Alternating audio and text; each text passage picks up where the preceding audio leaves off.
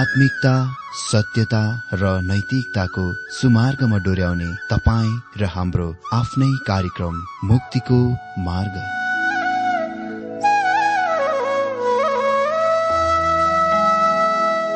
आदरणीय श्रोता यस मुक्तिको मार्ग कार्यक्रममा हार्दिक स्वागत छ। आशा छ यस आत्मिक कार्यक्रमद्वारा जीवनमा आत्मिक आशिष अलौकिक शान्ति र आनन्द प्राप्त गर्नुहुनेछ। र जीवनमा धन्य अनुभव गर्नुहुनेछ। आउनुहोस् श्रोता। मन र आत्माको तयारीको लागि यो मिठो अनि मधुर भजन गीत सुनौ।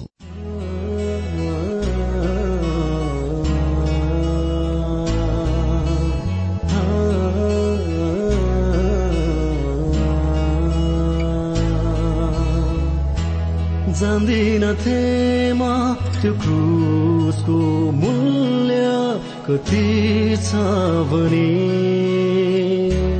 त्यो त अमूल्य रहेछ जीवन दिने।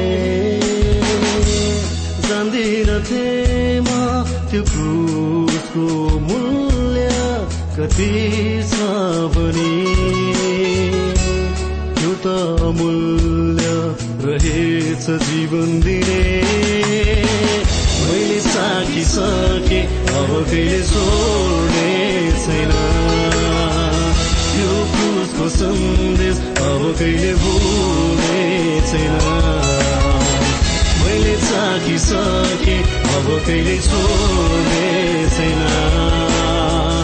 यो क्रुसको सन्देश अब कहिले भुल्ने छैन।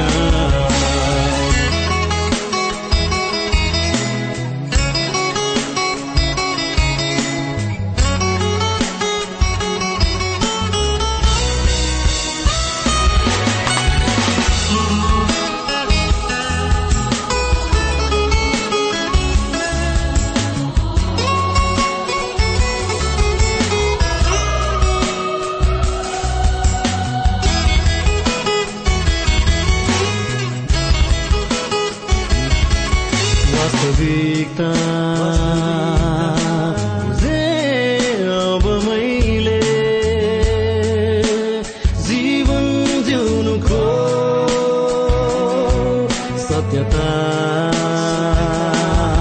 सुनाउँछु अब म ख्रिस्ट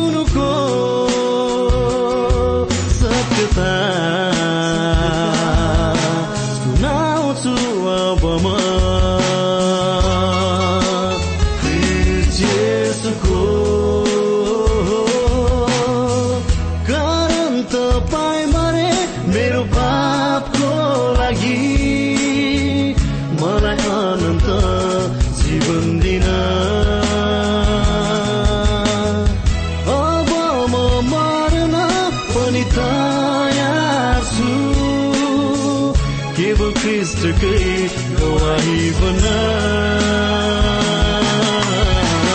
मैले चाखिसके अब कहिले छोड्ने छैन। त्यो क्रुसको सन्देश अब कहिले भुल्ने छैन। मैले चाखिसके अब कहिले छोड्ने छैन। त्यो क्रुसको सन्देश अब कहिले भुल्ने छैन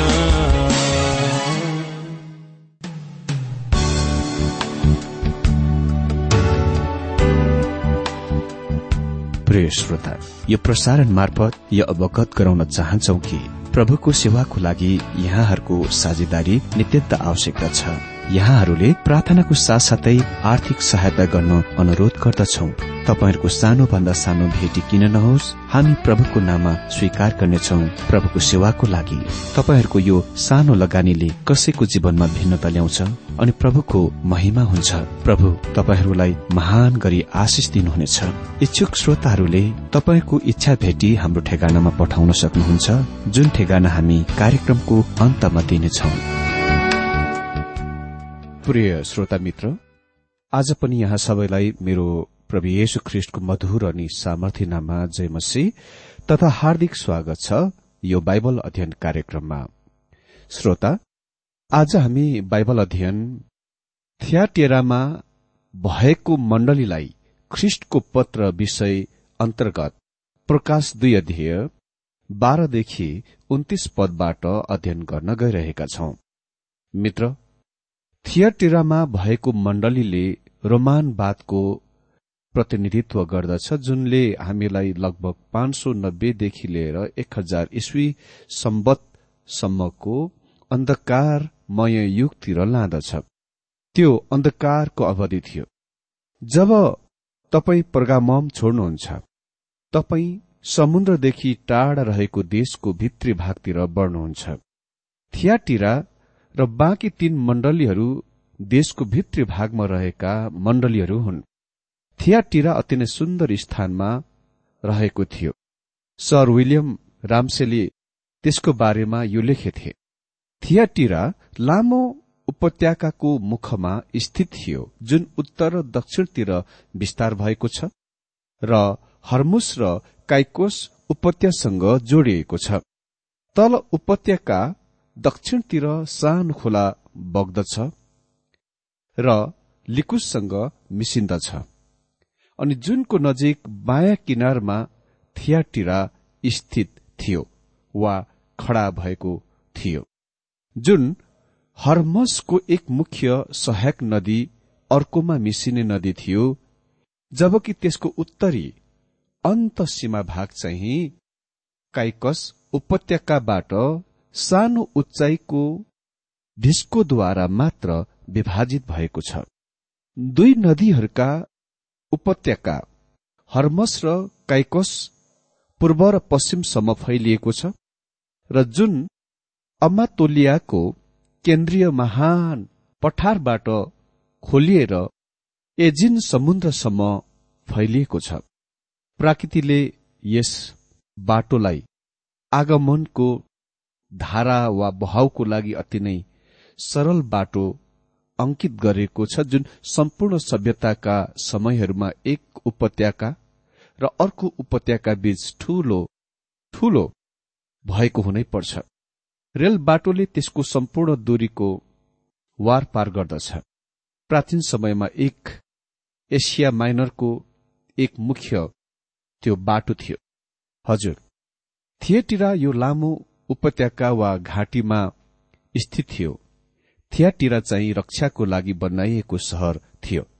तर प्राय गरेर रक्षाको लागि बनाइएका सहरहरू एक्टोपोलिस वा किल्ला वा भिरालो पहाड़को टुप्पोमा स्थित हुन्थे वा अन्तर्दीप अर्थात समुद्र वा नदी तालको निकै भित्रसम्म पसेको भूभागमा स्थित हुन्थे। र तिनीहरूको वरिपरि पर्खालहरू हालिन्दथे। तर ठियाटिरा एकदमै अलगै थियो। यो चाहिँ त्यस उपत्यकाको त्यो बेसीको बीचमा एकदम हल्का उठेको भूमिमा स्थित थियो। त्यसको शक्ति चाहिँ यस तथ्यमा रहेको छ कि रोमीहरूले विशिष्ट सुरक्षा गार्डहरू राखेका थिए। थियाटिरा लिसिमाकस र फेरि सेलेक्कस पहिलो जो सेलुइसिड राजकुलका संस्थापक थिए ती दुई मानिसहरूद्वारा बनाइएको थियो। सेल्युकस पहिलोको वृहत राज्य हर्मस उपत्यकादेखि हिमालयहरूसम्म फैलिएको थियो अनि त्यो अन्तिममा आखिरमा शत्रुको हातमा खस्यो। कुनै पनि यो सहर जति त्यस क्षेत्रमा अन्य सहरहरूलाई त्यति धेरै पूर्ण रूपमा विध्वंस गरियो र फेरि पुननिर्माण गरिएको छैन।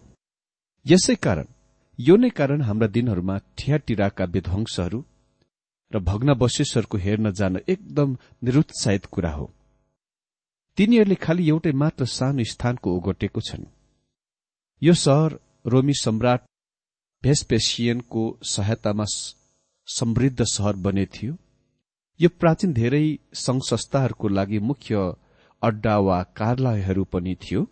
अर्थात भरियाहरूको संघ छालाको काम गर्नेहरूका संघ सिलाइ बुनाइ गर्नेहरूको संगठन र कपड़ा बनाउनेहरूको संगठन संघ र लुगा सिलाउनेहरूका संगठन इत्यादिको प्रमुख मुख्य कार्यालय थियो।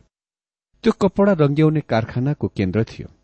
यहाँ नै लेबर युनियन मजदूर संघको शुरूआत भएको हुनुपर्छ।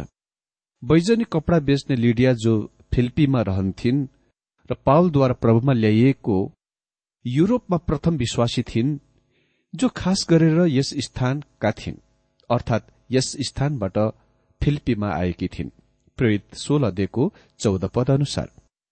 त्यस बैजनी रंगका कपड़ाहरूलाई आज हामी टुर्की रेड भनेर जान्दछौ। यसको मतलब त्यसको रंग रातो छ। रंग चाहिँ त्यस क्षेत्रमा रोपिने एक प्रकारको बोटबाट बनाइन्थ्यो।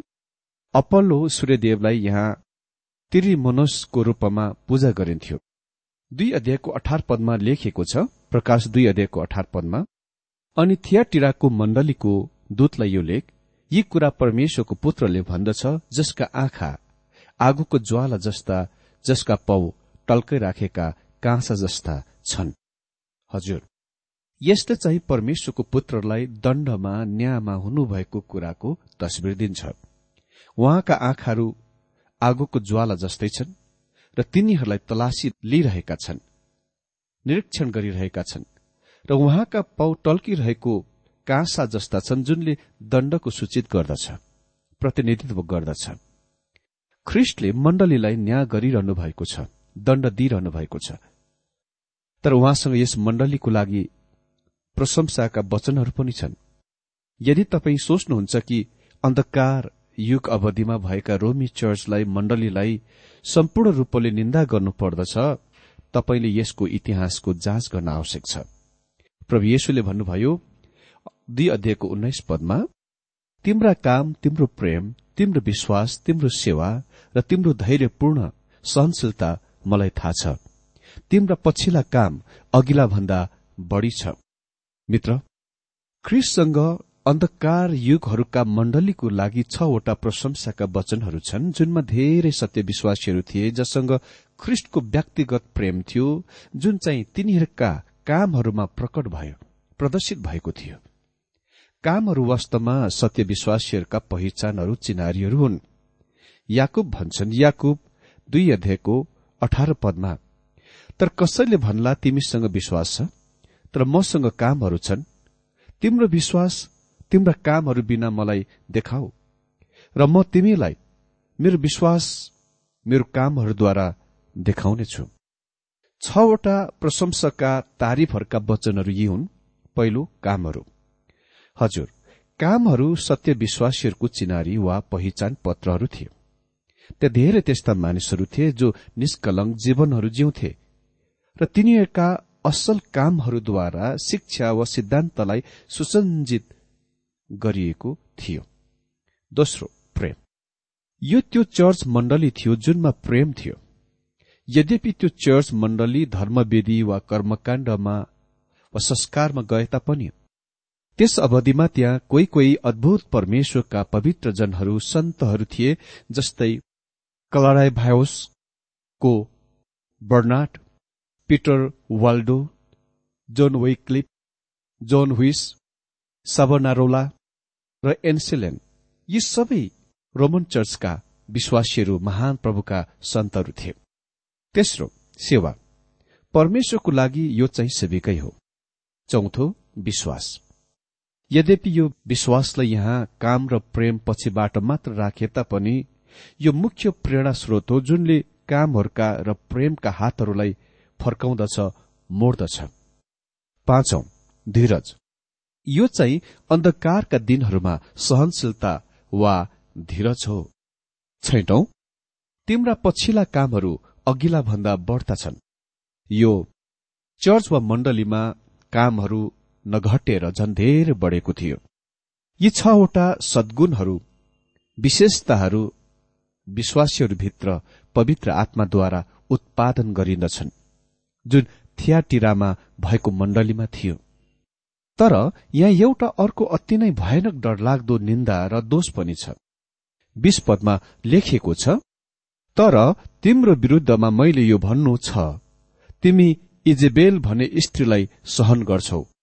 त्यसैले त्यसले आफैलाई अगमवादिनी भन्छे र मेरा सेवकहरूलाई व्याविचार गर्न र प्रतिमाहरूलाई चढाएको भोजन खान सिकाउँछे र यसरी तिनीहरूलाई भकाउँछे। मित्र इजेबेलले उत्तरी राज्य इसरायलमा प्रतिमा पूजा ल्याएथ्यो अनि यो स्पष्ट छ कि निश्चय नै थिएटिराको स्थानीय मण्डलीमा एक स्त्री थिए जसको इमान प्रतिष्ठा चाहिँ शिक्षिका र अगमवादिनीको थियो जो वास्तवमा आहाबको पत्नी इजेबेलका प्रतिरूप वा इजेबेल जस्तै अर्की व्यक्ति थिइन्। अन्धकार युगको ऐतिहासिक अवधिको सम्बन्धमा जुन थियाटिराको मण्डलीले प्रतिनिधित्व गर्दछ प्रतिमा पूजा अभ्यासहरू र अन्य जाति धार्मिक अभ्यासहरू ख्रिस्टियन आराधना र कामहरूमा मिसिएको थियो। पोपको पदलाई इस्वी सम्बत पाँच सौ नब्बेमा ग्रेग्रोरी प्रथमको नेतृत्व मुनि संसारिक लौकिक शक्ति वा शासनको स्थानमा माथि उचाल्यो माथि उठायो। अनि पछिबाट एक हजार सत्तरीदेखि एक हजार अस्सी इस्वी सम्बतमा ग्रेगोरी छैटौं जसलाई हेल्डे ब्रान्डको रूपमा राम्ररी जानिन्दथ्यो उसको नेतृत्व मुनि पोपको पदलाई संसारिक लौकिक शक्ति वा शासनको स्थानमा माथि उचालेको थियो। धार्मिक अनुष्ठान धर्मविधि वा कर्मकाण्डहरूका र चर्च शिक्षाको परिचयले येशु ख्रिष्टमा व्यक्तिगत विश्वासको स्थान लियो। कन्या मरियमको र तिनको कोखमा बालक येशुको आराधना पूजा वा पुञ्जलाई चर्च मण्डली आराधना उपासनाको निश्चित भाग वा अंश बनाइयो। पुर्गेटोरी अर्थात शुद्धिकरण सुनिश्चित वा पक्का शिक्षा बन्यो र पिण्ड वा पुञ्ज जसलाई अंग्रेजीमा मास भन्छौ त्यो मरेको लागि भनिन्दथ्यो। मित्र जसरी इजेबेलले नाबोतलाई मारिन् र परमेश्वरको भविष्य वक्ताहरूलाई सताइन्। त्यसरी नै रोमन चर्चले यस अवधिमा जाँच पड़ताल छानबिनको स्थापित गर्यो। भट्काउनेको मतलब हो भिन्सेन्टको भने अनुसार सत्यबाट मौलिक प्रस्थान वा पछि हट्ने कुरा। इजेबेलले थियाटिराबाट आउने लिडियाको तुलनामा एकदम विपरीतको स्थानमा उभिन्छन्। ठिक उल्टो स्थानमा उभिन्छन्। इजेबेल खाली सत्य विश्वास त्याग मण्डली चर्चको अगमवादिनी थिइन् जुन हामी प्रकाश सत्र अध्यायमा देख्छौ। भनिएको छ बीस पदमा तर तिम्रो विरूद्धमा मैले यो भन्नुपर्छ तिमी इजेबेल भन्ने स्त्रीलाई सहन गर्छौ। त्यसले आफैलाई अगमवादिनी भन्छे र मेरो सेवकहरूलाई व्याविचार गर्न र प्रतिमाहरूलाई चढाएको भोजन खान सिकाउँछे र यसरी तिनीहरूलाई भहकाउँछे एक्काइस पद। मैले त्यसलाई प्रस्ताव गर्ने समय दिए। तर त्यसले आफ्नो व्याविचारबाट प्रस्ताव गर्न इन्कार गरे। प्रभु येशुले यो झुट्टा प्रणालीसँग करिब एक हजार वर्ष पहिलेदेखि व्यवहार धैर्यपूर्वक व्यवहार गरिरहनु भएको छ। र यस प्रणालीमा अहिले यस समयसम्म कति पनि परिवर्तन बदलाव आएको छैन। वास्तवमा यो त्यस तथ्यमा घमण्ड गर्दछ कि कति पनि बदलिने छैनन् भनेर वा परिवर्तन हुने छैनन् भनेर। अनि त्यसको प्रणालीमा अपरिवर्तनीयतामा त्यो घमण्ड गर्छ। भनिएको छ एक्काइस पदमा मैले त्यसलाई प्रस्ताव गर्ने समय दिए तर त्यसले आफ्नो व्याविचारबाट प्रस्ताव गर्न इन्कार गरे। अनि बाइस पद हेर म त्यसलाई रोगशय्यामा फालिदिनेछु र त्यससँग व्याविचार गर्नेहरूले त्यसले गरेका कामहरूबाट प्रस्ताव गरेनन् भने म तिनीहरूलाई महासंकष्टमा फालिदिनेछु भारी संकष्ट चाहिँ त्यस खेदोको संकेत हो जुन रोमन चर्चले कम्युनिजमको अन्तर्गत त्यस अवधिमा सतावट र खेदो सहिरहेको थियो। यसको अर्थ यो पनि हुन सक्छ वा संकष्टमा त्यो सत्य विश्वास त्यागी मण्डली वा चर्च प्रवेश गर्नेछ। तिनीहरूले आफ्ना कामहरू यसलाई चाहिँ त्यसका कामहरूको रूपमा अनुवाद गर्दा उक्तम हुनेछ। बाइस पदमा भनिएको छ हेर म त्यसलाई रोग सयामा फालिदिनेछु र त्यससँग व्याविचार गर्नेहरूले त्यसले गरेका कामहरूबाट प्रस्ताव गरेनन् भने म तिनीहरूलाई महासंकष्टमा फालिदिनेछु। तेइस पद म त्यसका छोराछोरीहरूलाई मार्नेछु र सबै मण्डलीहरूले थाहा पाउनेछन् कि म उही हुँ जसले सबैका मन र हृदयको जाँच गर्दछ र म तिनीहरू हरेकलाई तिमीहरूका काम अनुसार दिनेछु। छोरा छोरीहरू चाहिँ तिनीहरू हुन् जो यस प्रणाली मुनि जन्माइएको हुर्काइएको र बढाइएको थियो। अनि म त्यसका छोरा छोरीहरूलाई मृत्युद्वारा मानेछु। यसलाई भिन्सेन्टद्वारा यसरी अनुवाद गरिएको छ तिनीहरू मृत्युको मृत्युमा परून्। यसले चाहिँ दोस्रो मृत्युको संकेत गर्दछ। भनिएको छ सबै मण्डलीहरूले चाहिँ सम्पूर्ण युगका मण्डलीहरूको संकेत गर्दछ। मन र हृदय यसले चाहिँ सम्पूर्ण मनोवैज्ञानिक संरचनाको संकेत गर्दछ विचारहरू भावनाहरू र उद्देश्यहरू। जब उहाँले मन र हृदयहरू तलास गर्नुहुन्छ यसको मतलब उहाँले हाम्रा सम्पूर्ण अस्तित्वहरूका खोज तलास गर्नुहुन्छ। अनि चौबिस पदमा यस प्रकार लेखिएको छ तर तिमी थियाटिरामा भएको यो शिक्षा नमान्ने तथा कतिले भने जै शैतानका गैरा कुराहरू नसिक्ने बाँकीका तिमीहरूलाई म भन्दछु म तिमीहरूमाथि अरू कुनै भार राख्दिन। मित्र थियातिरामा भएका मण्डलीसँग हामी इतिहासबाट जान्दछौ। अति नै छोटो कम समयको अस्तित्व थियो किनभने त्यो त्यस सहरसँग पतन भयो जब त्यसलाई शत्रुहरूद्वारा कब्जा गरियो। शैतानका गहिराईहरू सम्भवत ब्रह्मज्ञानवादी पन्तको संकेत गर्दछ जसलाई ओफाइटो वा ओपेटीहरू भनिएर जानिन्दछ। र जसले साँपको पूजा गर्दथे तिनीहरूले पावलको वचनका हास्यपूर्ण नक्कल बनाएथे। सम्पूर्ण हेरेसी वा झुटा शिक्षाले श्रेष्ठ आत्मिक बोध ज्ञान समझ हुने र पाउने हौ भनेर घमण्ड गर्दछन्। त्यसरी नै यस झुण्डले गरेथे। पच्चिस पद। त्यसो भए तापनि जे तिमीहरूसँग छ म नौजेलसम्म त्यसलाई थामिराख। स्पष्ट छ कि ख्रिस्टले यस मण्डलीलाई यो भन्न शुरू गरिरहनु भएको छ म तिमीहरूलाई लिन आइरहेको छु। र यसको कारण तिमी मेरो लागि बलियो भइकन अडिक भइकन उभिराख छब्बीस पदमा यस प्रकार लेखेको छ जसले जित्छ र मेरा कामहरूलाई आखिर समय कायम राख्छ त्यसलाई म जाति जातिमाथि अधिकार दिनेछु। ख्रिष्टका कामहरू इजिबेलका कामहरूको ठिक उल्टो र विपरीतका छन्। ख्रिष्टका कामहरू पवित्र आत्माद्वारा गरिन्दछ। हामी विश्वासद्वारा विजय पाउँछौ कोशिशद्वारा होइन। जसले म जातिहरूमाथि अधिकार दिनेछु यो चाहिँ पावलद्वारा वर्णन गरिएको थियो जब उसले कुरन्थियन विश्वासीहरूलाई लेखे पहिलो कुरन्ती छको दुई पदमा पवित्र जनहरूले संसारको न्याय गर्नेछन्। अनि सत्ताइस पदमा यस प्रकार लेखिएको छ फलामको डण्डाले माटोका भाँडाहरू टुक्रा टुक्रा पारेर फोरे झै त्यसले तिनीहरूलाई शासन गर्नेछ जसरी मैले पनि मेरा पिताबाट अधिकार पाएको छु। यो चाहिँ ख्रिस्टको हजार वर्षीय राज्य शासनको संकेत हो जुनमा विश्वासीहरूले बाँड्दछ। अनि अठाइस पद म त्यसलाई बिहानको तारा दिनेछु। प्रकाश बाइस अध्यय सोह्र पद अनुसार ख्रिष्ट बिहानको चहकिलो तारा हुनुहुन्छ। बादलमा वा स्वर्गीय यात्रामा उहाँको आफ्नै जनहरूको लागि ख्रिस्टको आगमन मण्डलीको आशा हो। तितस दुई अध्ययको तेह्र पदमा हामी पढ्छौं त्यस धन्य आशाको र हाम्रा महान परमेश्वर र मुक्तिदाता येशु ख्रिष्टको महिमा पूर्ण आगमनको बाटो हेर्दै जिउनु पर्छ अनि उन्तिस पदमा लेखिएको छ जसको सुन्ने कान छ त्यसले सुनोस् पवित्र आत्माले मण्डलीहरूलाई के भन्नुहुन्छ? इजेबेलका सन्तानहरूले सुन्ने छैनन् तर प्रभु येशुका सत्य पक्का सन्तानहरूले सुन्नेछन् र पवित्र आत्माले थुमाको रगतको थोपा चुहाइएको कान अर्थात पक्का विश्वासीहरूको कान खोलिदिनुहुन्छ र तिनीहरूले सुन्छन् र त्यसको पालन गर्दछन्।